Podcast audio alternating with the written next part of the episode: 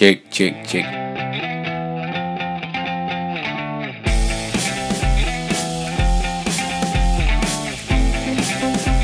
Welcome to Shifted a Bit Podcast.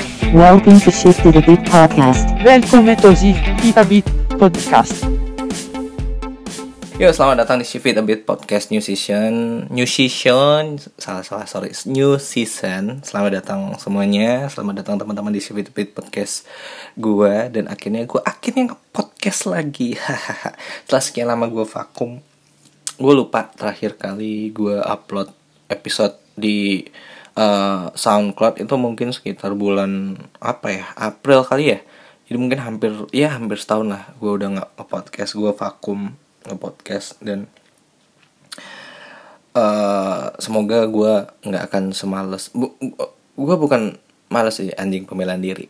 Nggak gue tuh uh, waktu itu tuh masih jadi seorang karyawan kan. Kan gue masih di Bali gue jadi seorang karyawan terus uh, gue bingung karena gue ternyata nggak nyaman untuk menjadi seorang karyawan gue nggak bisa diatur atur kayak gitu. Akhirnya gue memutuskan untuk uh, resign dan gue uh, bukan resign sih. Gue kayak cheating gitulah. Akhirnya gue uh, secara terpaksa oleh perusahaan gue di cut yang mana artinya uh, planning gue untuk resign berhasil. Terus dari situ gue bingung mau ngapain akhirnya gue memutuskan untuk mengejar passion dan ternyata mengejar passion itu membuat hidup kalian jauh lebih happy walaupun jauh lebih sedikit pendapatannya kayak gitu. Serius men? Lo ngejar passion tuh kayak wah anjing happy banget gue ngelakuin apa yang gue suka gitu. Anjing pendapatan gak ada bangsat. Besok gue makan apa kayak gitu misalnya. Nggak misalnya sih faktanya kayak gitu. Cuman ya udahlah hidup gue jauh lebih happy dan gue sedikit merasakan keresahan. Gimana orang orang happy kan jarang jarang ngerasain ada masalah kayak gitu loh. Jadi ya udahlah uh, hidup must go on. Cie kayak gitu. Anjing gue ngomong apaan sih? Ya itu alasan gue nge-podcast lama kayak gitu ngevakum. Terus uh, akhirnya gue nge-podcast lagi karena ternyata uh, apa namanya sudah sangat banyak platform yang menyediakan tempat untuk nge-podcast dan bisa didistribusikan ke banyak aplikasi. Jadi gue ngerasa uh, akan jauh lebih nyaman sekarang jauh lebih gampang juga. Kalau gue dulu di SoundCloud itu kalau bukan uh, apa namanya premium user premium yang premium user lagi user yang bayar kayak gitu. Lo cuma dikasih jatah 3 jam sedangkan gue ngebacot kayak gini mungkin sekitar 45 menit. Itu artinya mungkin gue cuma bisa dapat 5 episode. Ya mungkin sekitar 5 5 6 episode lah. Dan menurut gue uh, kasihan kalau misalnya gue upload episode ke-7 episode pertama harus gue hapus karena maksimal cuma bisa 6 kayak gitu. Gue sayang aja sih jadi akhirnya sekarang udah ada aplikasi yang bisa nge-hosting dan podcast gue bisa uh, dengan nyaman tanpa harus dihapus berada di banyak aplikasi juga platform-platform lain juga akhirnya gue memutuskan untuk uh, podcast lagi kayak gitu sih teman-teman uh, terus uh, Shipit A Podcast kali ini di season yang terbaru ini gue akan ngebahas hal-hal yang jauh lebih ringan dari yang sebelumnya kayak gitu. Kalau sebelumnya ngebahas hal-hal yang terlalu besar sih menurut gue kayak gue ngebahas uh, transgender anjir LGBT gue ngebahas kayak gitu. Gue ngebahas Aukarin yang ternyata uh, impactnya maksud bukan impactnya sih yang ternyata Aukarin udah nggak se masif dulu ininya apa namanya energinya gitu. Ketika lo ngebahas Aukarin di zaman 2017an 2016 uh kenceng banget. Lo bahas Aukarin 2018 ngehe anjing nggak nggak ada yang peduli bangsat terus gue sekarang akan ngebahas ya hal-hal yang jauh lebih ringan aja yang relate, relate dengan kehidupan kita sebagai makhluk sosial asik. Dan di episode pertama season baru ini gue akan ngebahas tentang hal yang mungkin sangat dekat dengan kita semua atau mungkin sangat jauh dengan kita semua. Hal yang sangat terkoneksi dengan kita semua atau mungkin sangat putus koneksi dengan kita semua. Anjing diksi gue gue akan ngebahas mantan. Suka nggak lo ketika gue ngomong mantan hah? Hah? Hah? Happy kan? Gini gini gini gini gini. Gue lurusin gue lurusin ya. Kita samain persepsi dulu. Ketika gue ngomong mantan apa yang ada di pikiran kalian semua? Beda-beda tentunya. Beragam beragam banget pasti apa yang ada di pikiran kalian semua. Mungkin dia adalah sosok yang kalian rindukan. Mungkin dia adalah sosok yang uh, sangat kalian idam-idamkan namun kalian tidak bisa bersama lagi. Mungkin dia adalah sosok yang benar-benar kalian benci atau mungkin dia adalah sosok yang ternyata masih bisa bersatu ketika kalian maunya kawin lari. Kayak gitu. Eh, banyak banget persepsi tentang mantan gitu loh. Yang bagi gue sendiri bagi gue sendiri mantan mantan ya mantan itu adalah eh, sosok yang pernah ada di hidup gue yang memberikan kebahagiaan dan kesedihan. Udah itu aja. Jadi mantan bagi gue itu adalah orang yang pernah ada di hidup, hidup gue yang pernah senang senang sama gue pernah sedih sedih sama gue dan memberikan eh, pelajaran hidup buat gue dan udah nggak nggak nggak ada lagi nggak ada udah udah stuck sampai itu istilah mantan bagi gue tuh udah adalah ya pokoknya dia adalah sosok yang seperti itu gitu Kenapa gue bilang dia memberikan kebahagiaan dan kesedihan? Ya karena itu yang mereka berikan ke kita at the moment kalian pacaran, ketika kalian jarang eh jalan lagi. Iya benar, ketika kalian jalan bareng, ketika kalian nonton, ketika kalian makan, ketika kalian ngewek sama dia.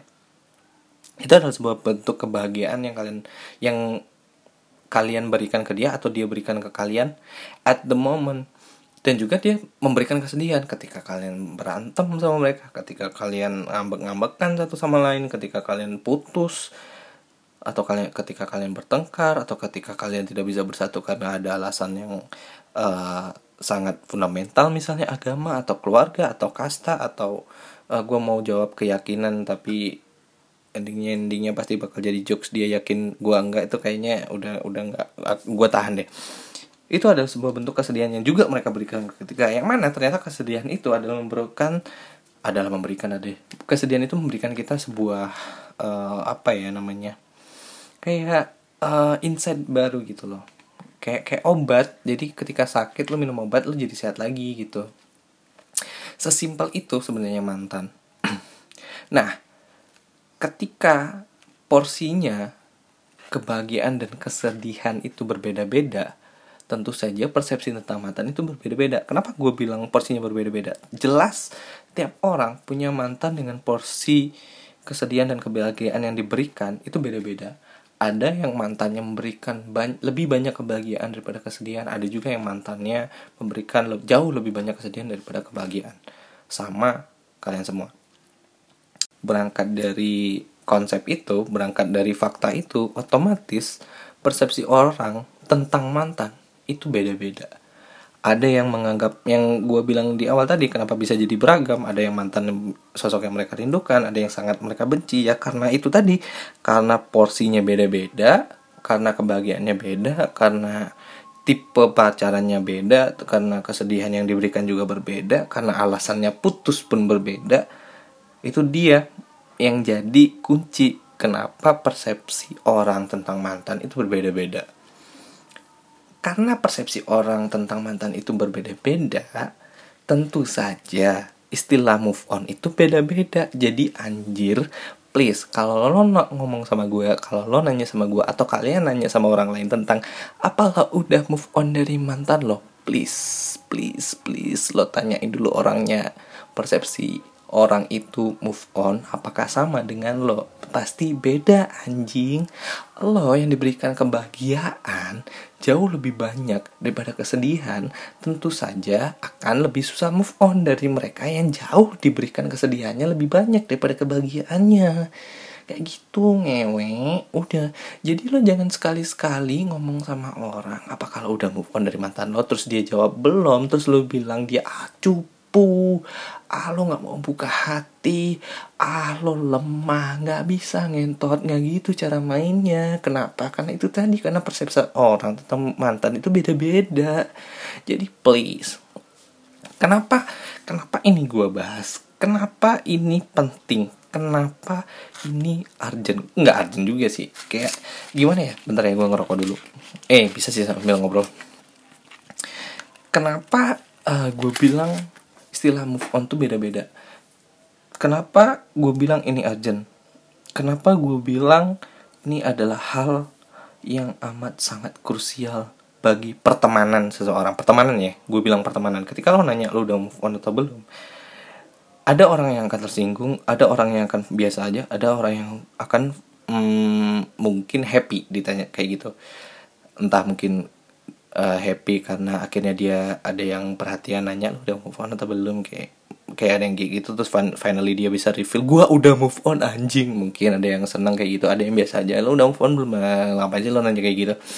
Ada yang nggak suka eh lo udah move on apa belum? Anjing apa sih nanya-nanya hal kayak gitu? Bangsat lo tanya yang lain kayak apa? Kayak kalau gue tipe orang yang nggak suka nggak suka ditanya udah move on atau belum. Kenapa?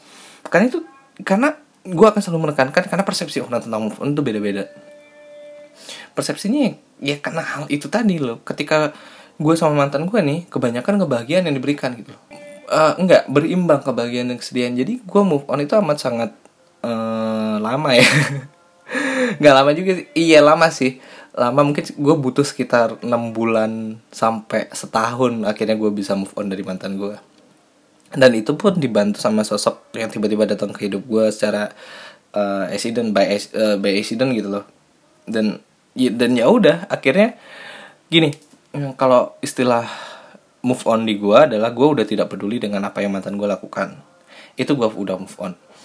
Kan bisa persepsi orang tentang move on tuh beda-beda. Ada yang move on bentuknya adalah lo udah nggak ada niatan untuk membangun hubungan sama mantan lo tapi lo masih care sama dia. Lo masih chat sama dia lo masih berteman sama dia lo kadang sering jalan bareng lo bahkan sering sharing tentang pasangan lo berikutnya sama dia. Ada bentuk move on yang seperti itu lo tetap menjalin hubungan sama mantan lo. Ada bentuk move on yang seperti itu. Ada juga bentuk move on yang eh, apa namanya kayak lo bener-bener benci sama mantan lo lo nggak mau ketemu karakter kayak mantan lo dan lo nggak mau ngebangun hubungan lagi sama mantan lo tapi lo juga nggak mau ngebangun hubungan sama orang lain. Ada ada bentuk move on yang kayak lo bener-bener tertutup karena lo trauma karena terlalu banyak kesedihan yang diberikan sama dia karena sakit yang bener-bener dalam karena sakit yang tidak berdarah itu bener-bener tidak bisa disembuhkan. Ada bentuk move on yang kayak gitu. Lo bener-bener udah nggak mau lagi lo sama orang itu dan lo juga ternyata nggak mau sama orang lain. Ada bentuk move on yang seperti itu. Ada juga bentuk move on yang lo udah eh apa namanya fine fine aja sama mantan lo. Lo chat biasa aja sama mantan lo. Lo akhirnya ngebangun hubungan sama lain sama mantan lo. Lo akhirnya ketemu sama pacar lo yang baru. Akhirnya kalian bertiga sama mantan lo berteman. Akhirnya kalian sama ada bentuk move on yang kayak gitu. Kenapa gue ngebahas hal yang kayak gini? Karena itu pernah terjadi di sebuah di suatu hidup seseorang yang nggak akan gue bahas juga di sini tentunya. Ada bentuk move on yang seperti itu. Maka dari itu ketika lo nanya move lo udah move on atau belum itu hal yang sangat eh apa ya istilahnya ya? Lo nggak boleh nyebutin nama Voldemort di Harry Potter. Lo nggak boleh kayak kayak kayak itu Pandora box yang nggak boleh lo buka gitu. Ketika lo buka Pandora box tuh banyak banyak iblis yang akan keluar dan banyak bencana yang terjadi di bumi kayak gitu. Ya gue eksesif sih tentang hal ini. Itu ter- terlalu berlebihan yang penting. Kalau bagi gue hal itu nggak penting untuk ditanyain. Karena menurut gue mantan gue udah nggak peduli sama mantan gue jadi eh, itu bukan hak lo untuk nanya hal itu. Dan balik lagi ini adalah persepsi gue. Ini sangat subjektif. Ketika lo nggak setuju lo boleh ngobrol sama gue. Ketika lo setuju ya mari kita tekankan bahwa jangan nanya-nanya move on kampret gampang lo nanya yang lain kayak apaan kayak ngewe. Ah parah. Capek gue tau. Karena gue resah dengan hal itu gitu gue sebel sama orang yang nanya-nanya nanya-nanya lo udah move on atau belum. Karena basicnya gue gue nggak suka eh, persepsi orang tentang apa pun itu diaplikasikan ke orang lain gitu loh. Dan kebetulan kali ini kita ngebahas mantan makanya gue nggak suka ketika persepsi lo tentang mantan itu lo aplikasikan ke gue gitu loh. Kenapa? Ketika lo mengaplikasikan hal itu ke gue otomatis itu bisa jadi hal yang tidak bikin gue nyaman gitu loh. Perilaku lo akan berubah ke gue ketika uh, ngobrolin tentang mantan gue. Gue yang sebenarnya gue udah fine fine aja lo mau ngomongin sama mantan gue kayak lo mau ngomongin uh, mantan gue hamil di luar nikah kayak mau lo lo mau ngomongin mantan gue ternyata sekarang di poligami kayak mau ngomongin mantan gue sekarang diadopsi sama alien kayak gue nggak udah nggak peduli gue udah fine fine aja. Tapi apakah itu bisa terjadi sama orang lain? Bisa jadi tidak. Bisa jadi iya juga tapi gue 100% bisa jadi tidak karena mungkin ada orang lain yang nggak nyaman ngobrolin apa pun tentang mantannya. Nah orang yang nggak nyaman ini itu jauh lebih banyak di luar sana gitu. Kayak kayak kayak apa ya eh, populasinya itu jauh lebih mendominasi daripada mereka yang udah nggak peduli gitu. Mau ngomongin mantan ya silakan gitu. Gue udah nggak peduli. Lo mau ngobrol depan gue mau mau ngobrolin itu sama gue gue udah nggak peduli. Kalau gue kayak gitu nah karena populasi orang yang nggak nyaman ngobrolin mantan ini jauh lebih banyak atau sungkan untuk ngomongin mantan karena takut itu akan menyakiti orang yang ternyata adalah mantannya itu jauh lebih banyak itu yang bikin gue nggak nyaman. Karena ternyata di sekitaran gue banyak orang yang ngerasa dia nggak nyaman ngobrolin tentang mantan gue dek ke gue. Yang otomatis itu membuat mereka perilakunya berubah ke gue. Yang mana gue nggak nyaman ketika lo berubah ke gue. Kayak kayak kayak misalnya nih ada ada empat orang dua orang nih sering ngobrolin mantan gue di belakang gue. Yang satu orangnya biasa aja Terus yang satu ini yang biasa aja nanya ke teman gue yang satunya, eh lo tahu nggak si ini si mantannya Rama dia lagi gini? Terus terus lo membangun sebuah percakapan kecil-kecil yang yang nggak ada suaranya berdua kayak gitu, lo ngomongin depan gue anjir. Gue tahu lo ngomongin mantan gue lo ngobrol aja langsung. Gue udah nggak peduli. Ngobrol aja langsung santai gitu. Lo ngap- ngapain sih lo dipikir berat-berat kayak gitu? Dan dan dan ini bisa terjadi di di di, di hidup lo gitu loh. Ini bisa terjadi di orang lain juga kenapa gue bahas ini? Gue takutnya ini sering terjadi di luar sana dan gue nggak mau di luar sana banyak orang-orang yang yang yang pertemanannya tidak nyaman gitu loh. Gara-gara cuman masalah mantan yang sebenarnya ngobrolin mantan itu ya udah fine fine aja gitu, kayak gitu. Kayak ngobrolin sosok yang pernah ada di hidup itu apa apa sih? Kayak kayak ngobrolin ap, nggak borok juga sih. Gue ngomong ngomong ngomong borok kayak kayak hina banget ya mantan ya. Ya kayak kayak bekas luka kayak kayak kayak kayak lo main layangan terus terus ternyata eh, jempol lo hampir putus gitu kan terus disambung sama jempolnya kucing gitu misalnya. Terus kenapa jempol lo kayak jempol kucing? Iya nih soalnya gue dulu main layangan goblok. Gu- gua kan biasanya pakai senar eh gue pakai kawat gitu. Misalnya gitu terus jempol gue hampir putus nih. Terus gue ganti sama jempol kucing. Oh kayak gitu nih. Udah kayak ngobrolin mantan tuh udah kayak gitu santai aja gitu loh. Karena gue eh ngobrolin hal ini berkaca dari pengalaman pribadi gue gini. Ini gue bahas yang kali ini adalah pengamalan eh, pengamalan lagi. Pengalaman yang sangat ini ya apa namanya subjektif sekali ya. Pengalaman pribadi gue tapi mungkin semoga bisa memberikan eh, insight dari kalian tentang persepsi dan bagaimana bersosial yang berkaitan dengan mantan gitu ya. Jadi gue punya eh, mantan. Dua mantan nih dua-duanya udah nikah. Yang pertama eh, mantan gue yang waktu gue masih di eh, waktu mantan gue yang SMA yang kedua adalah mantan gue yang waktu, eh, waktu gue kuliah. Kuliah sampai gue kerja. Nah temen gue waktu SMA temen gue pas SMA maksudnya kita udah lama gak kontekan sekitar 3 sampai 4 tahun terakhir gue kontekan sama dia itu waktu eh, awal-awal ada stand up komedi eh, di Kompas TV dia ngobrolin tentang Rian Adriandi. Lo nggak ngerti kan Rian Adriandi ya gitu lah intinya gue udah lama banget terakhir kontekan sama dia. Mungkin sekitar 2013 2000 eh enggak ding. 2000 eh iya 2013 2013 gue ngobrol sama iya benar gue ngobrol sama dia waktu itu kontekan via WhatsApp. Udah itu terakhir. Terus 2018 kemarin dia kontak gue eh Ram apa kabar lo? Gue gue kaget kan wah anjir lu dapat nomor gue dari mana? Udah sekitar enam tahun kita nggak ketemu men.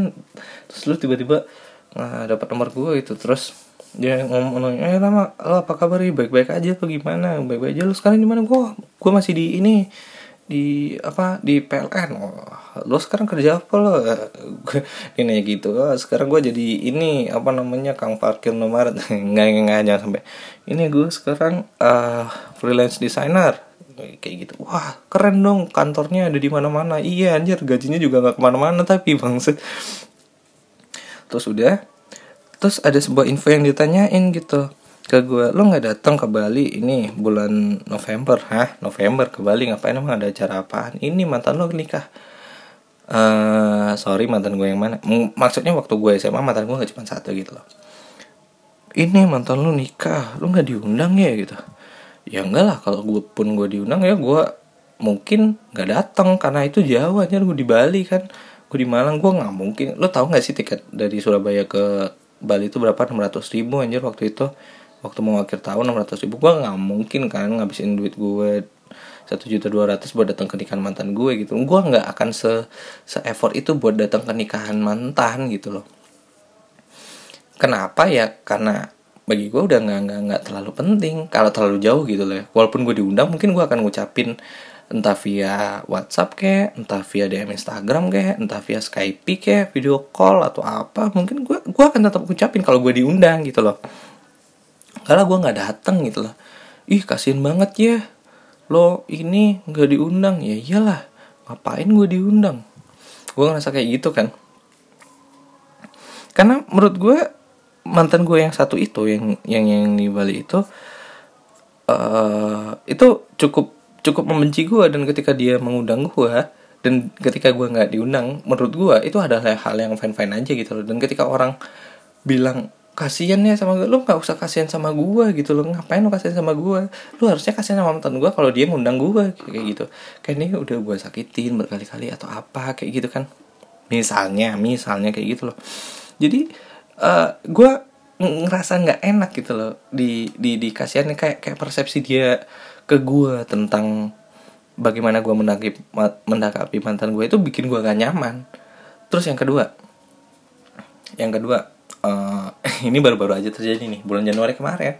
Mantan gue nikahan. Dan gue tahu mantan gue mau nikah itu udah jauh-jauh hari gitu mungkin sekitar enam bulan atau tujuh bulan sebelumnya. Kenapa gue bisa tahu mantan gue mau nikah? Ya karena gue teman dekatnya eh, enggak teman iya bener teman dekatnya teman dekatnya dia. Jadi misal anggap nih teman dekatnya dia tuh namanya siapa ya? Eh, ngarang nama eh, Rijal misalnya si Rijal Rijal tuh di suatu bulan di 2016 yang jauh itu dia nanya ke gue Ram lo nggak datang nih ke Mojokerto? Eh enggak dia nanya gini Ram kok? Eh enggak. Ram mm, nanti berangkat ke Mojokertonya bareng sama gue sama pacar gue aja ya. Ah ke Mojokerto ngapain Zal? Gitu.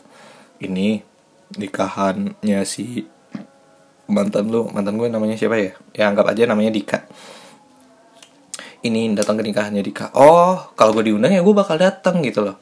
Gue selalu suka diundang ke nikahan. Kenapa? Karena bagi gue nikahan adalah momen di mana lo bisa bayar dengan istilah lainnya adalah ngamplopin atau salam tempel sebanyak 100 ribu dan lo bisa all you can eat. Bener kan?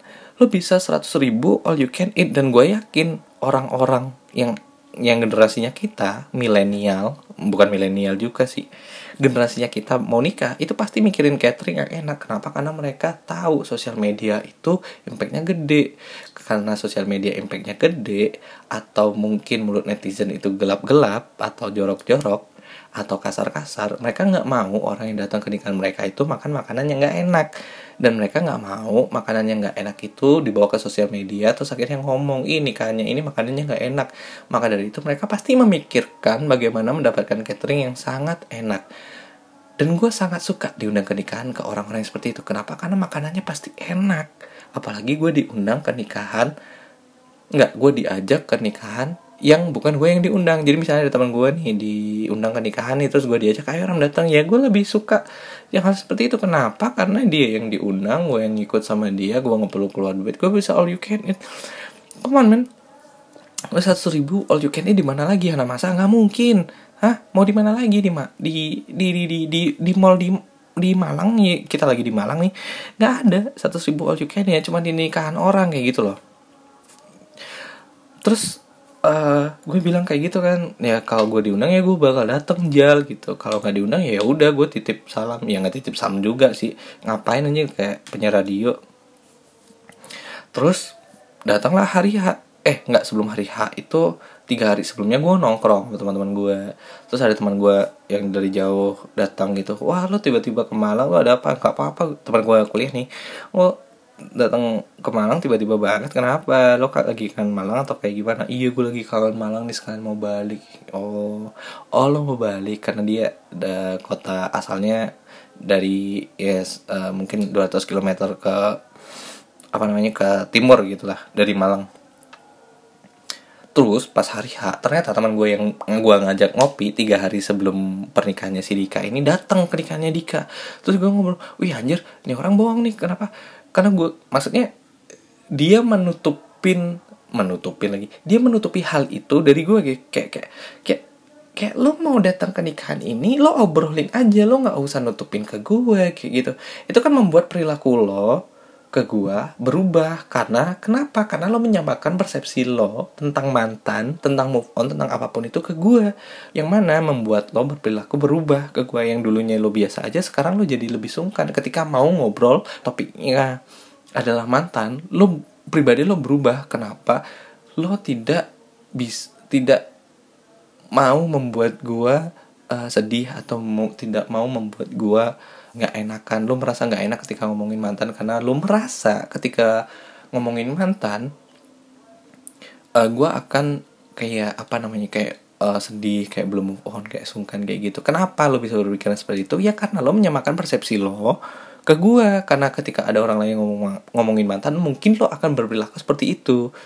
Mungkin lo akan sangat sungkan eh bukan sungkan mungkin lo akan sangat sakit hati mungkin lo akan sangat belum bisa move on ketika ada orang ngomongin mantan ke lo yang mana itu buat gue itu membuat gue gak nyaman gitu loh. Bahkan teman gue de teman deket gue yang datang ke nikahannya si Dika ini mereka bahkan gak ngobrol gak ngobrolin hal itu kayak jadi ada ada sebuah pertemuan pasca pernikahan itu. Terus ada teman gue yang nanya eh teman kita yang udah nikah siapa aja? Terus teman gue sama yang nanya ini ngobrol suaranya kecil-kecil.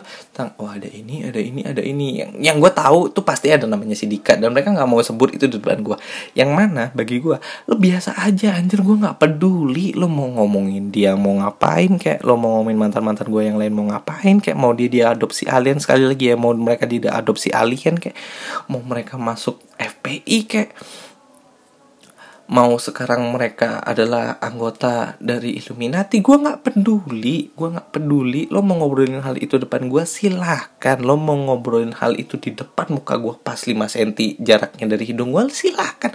Gue nggak peduli lagi kayak gitu. Terus kadang mereka ngeliat ih lo nggak diundangan di nggak diundang mantan mantan lo ya ke nikahannya uh, mereka gitu. Kenapa? Lih lo jangan nanya gue gue mana tahu gue nggak diundang sama mereka anjing gue kayak, kayak kayak kayak gimana ya? Tolonglah tolong tolong jangan persepsikan hal itu ketika lo nanya kenapa gue nggak diundang sama mantan gue ya iya lo jangan tanya gue. Lo tanya mereka mungkin mereka punya alasan sendiri mungkin karena gue kafir mungkin karena gue ngomongnya uh, belepotan mungkin karena gue uh, sekarang pakai kacamata apa kayak mungkin karena gue pakai pomade yang tidak terbuat dari bahan-bahan natural apa kayak mungkin mereka mungkin mereka punya alasan sendiri kayak gitu loh. Inti yang pengen gue sampaikan di podcast gue kali ini adalah jangan sekali-sekali menyamakan persepsi apa pun itu ke orang lain yang membuat kalian berperilaku berbeda dari biasanya. Nangkep nangkep nggak maksud gue teman-teman? Jadi kalau misalnya ada sesuatu hal mungkin mending dilurusin dulu gitu loh. Mending dilurusin dulu. Lu jangan jangan mengambil kesimpulan sendiri. Itu berbahaya itu berbahaya. Kenapa? Karena lu bisa membuat orang lain merasa tidak nyaman. Lu bisa membuat merasa eh mem, lu bisa membuat lagi. Ya bener Lu bisa membuat orang lain merasa lo berubah. Lu membuat orang lain merasa lo bukan lo yang sebenarnya. Kenapa? Karena lo berusaha menyamakan persepsi lo ke orang lain kayak gitu loh. Standar lo lo samain sama orang lain. Dan itu fakta. Kenapa fakta? Karena itu lo bisa ngancurin pertemanan. Bagi gue hal yang kayak gitu gue, gue udah nggak bisa trust lagi kayak lo oke okay, lo fine fine aja sama gue sekarang mis maksudnya lo boleh berperilaku kayak apa sama gue sekarang lo bisa berperilaku apa pun ke gue sekarang. Kita tetap temenan biasa aja cuman trust gue kalau lo udah sangat amat berkurang kenapa? Karena ternyata standar lo seperti itu. Ketika ada sesuatu yang sebenarnya bisa dilurusin lo diem diem aja kayak come on kita kita udah udah dewasa semuanya kita harusnya bisa berpikiran yang jauh lebih terbuka, bisa jauh lebih uh, terstruktur, bisa apa-apa tuh semua bisa dilurusin kabut-kabut tentang informasi itu bisa dihilangin semuanya ketika kita mau ngobrol kayak gitu. Dan ini hal yang sangat penting di kehidupan bersosial umat manusia ketika kita ngobrolin spesies bernama mantan ini karena yaitu tadi standar orang beda-beda, definisi orang beda-beda. Jadi please jangan samakan uh, apa namanya hmm, persepsi kalian terhadap orang lain. Ya tentang apa pun itu sih. Itu yang berusaha gue share di podcast kali ini. Maaf ya isinya ternyata lebih subjektif dan lebih ngebahas tentang pengalaman pribadi gue dan isinya kayak gue marah-marah yang mana sebenarnya gue nggak peduli. Gue jauh lebih kesel aja sih sama ternyata ada orang yang seperti itu anyway gue mau share informasi eh, yang mungkin akan mengejutkan kalian. Gue bakal nikah. Iya, gue share, nggak gue tutup tutupin, tutup tutupin. Gue mau undang siapa pun itu yang mau datang, lu tinggal DM gue di Instagram kalau misalnya lo mau datang nikahan gue, atau lo nanti gue kasih undangan langsung. Mantan mantan gue juga tetap gue kasih undangan. Mereka silakan mereka mau datang sama siapa pun itu, sama suaminya, kayak mau sama selingkuhannya, mau sama anaknya, bodo amat gue kalau lo mau datang silakan datang. Yang penting eh, lo bawa eh, kado atau apa kayak terserah lo bisa all you can eat di di nikahan gue terus eh, apa namanya acaranya tuh dua dua dua tempat sih kalau gue nikahan di, di Bali terus eh, resepsinya gue ada di Malang. Itu di eh, apa namanya di gedung apa sih namanya tahu gue di UM itu tahu wah namanya. Pokoknya di situ gedungnya. Terus gue nanti cuma ngundang 500 orang dan lo akan sangat terhormat ketika lo datang ke nikahan gue karena menurut gue lo adalah orang-orang yang sangat penting. Terus nanti gue eh, calonnya eh, nanti gue share fotonya tapi lo pasti udah pernah dengar namanya. Dia adalah Kendall Jenner ya. Nanti dia datang bareng Kim Kardashian sama Kanye West ke Indonesia. Gue mau undang 500 orang aja. Terus nanti yang ngibur Ellen DeGeneres sama MC-nya ada Gofar Hilman ditambah Rich Brian. Nanti musik pengiringnya ada Om PMR ada Nirvana sama ada Dipa Barus. Terus nanti pagar ayunya ada Serina ada Luna Maya sama eh, Ashanti ya udah makasih. Semoga lo semua happy dengerin podcast gue yang isinya marah-marah mulu. Oke ngentot lo semua. Bye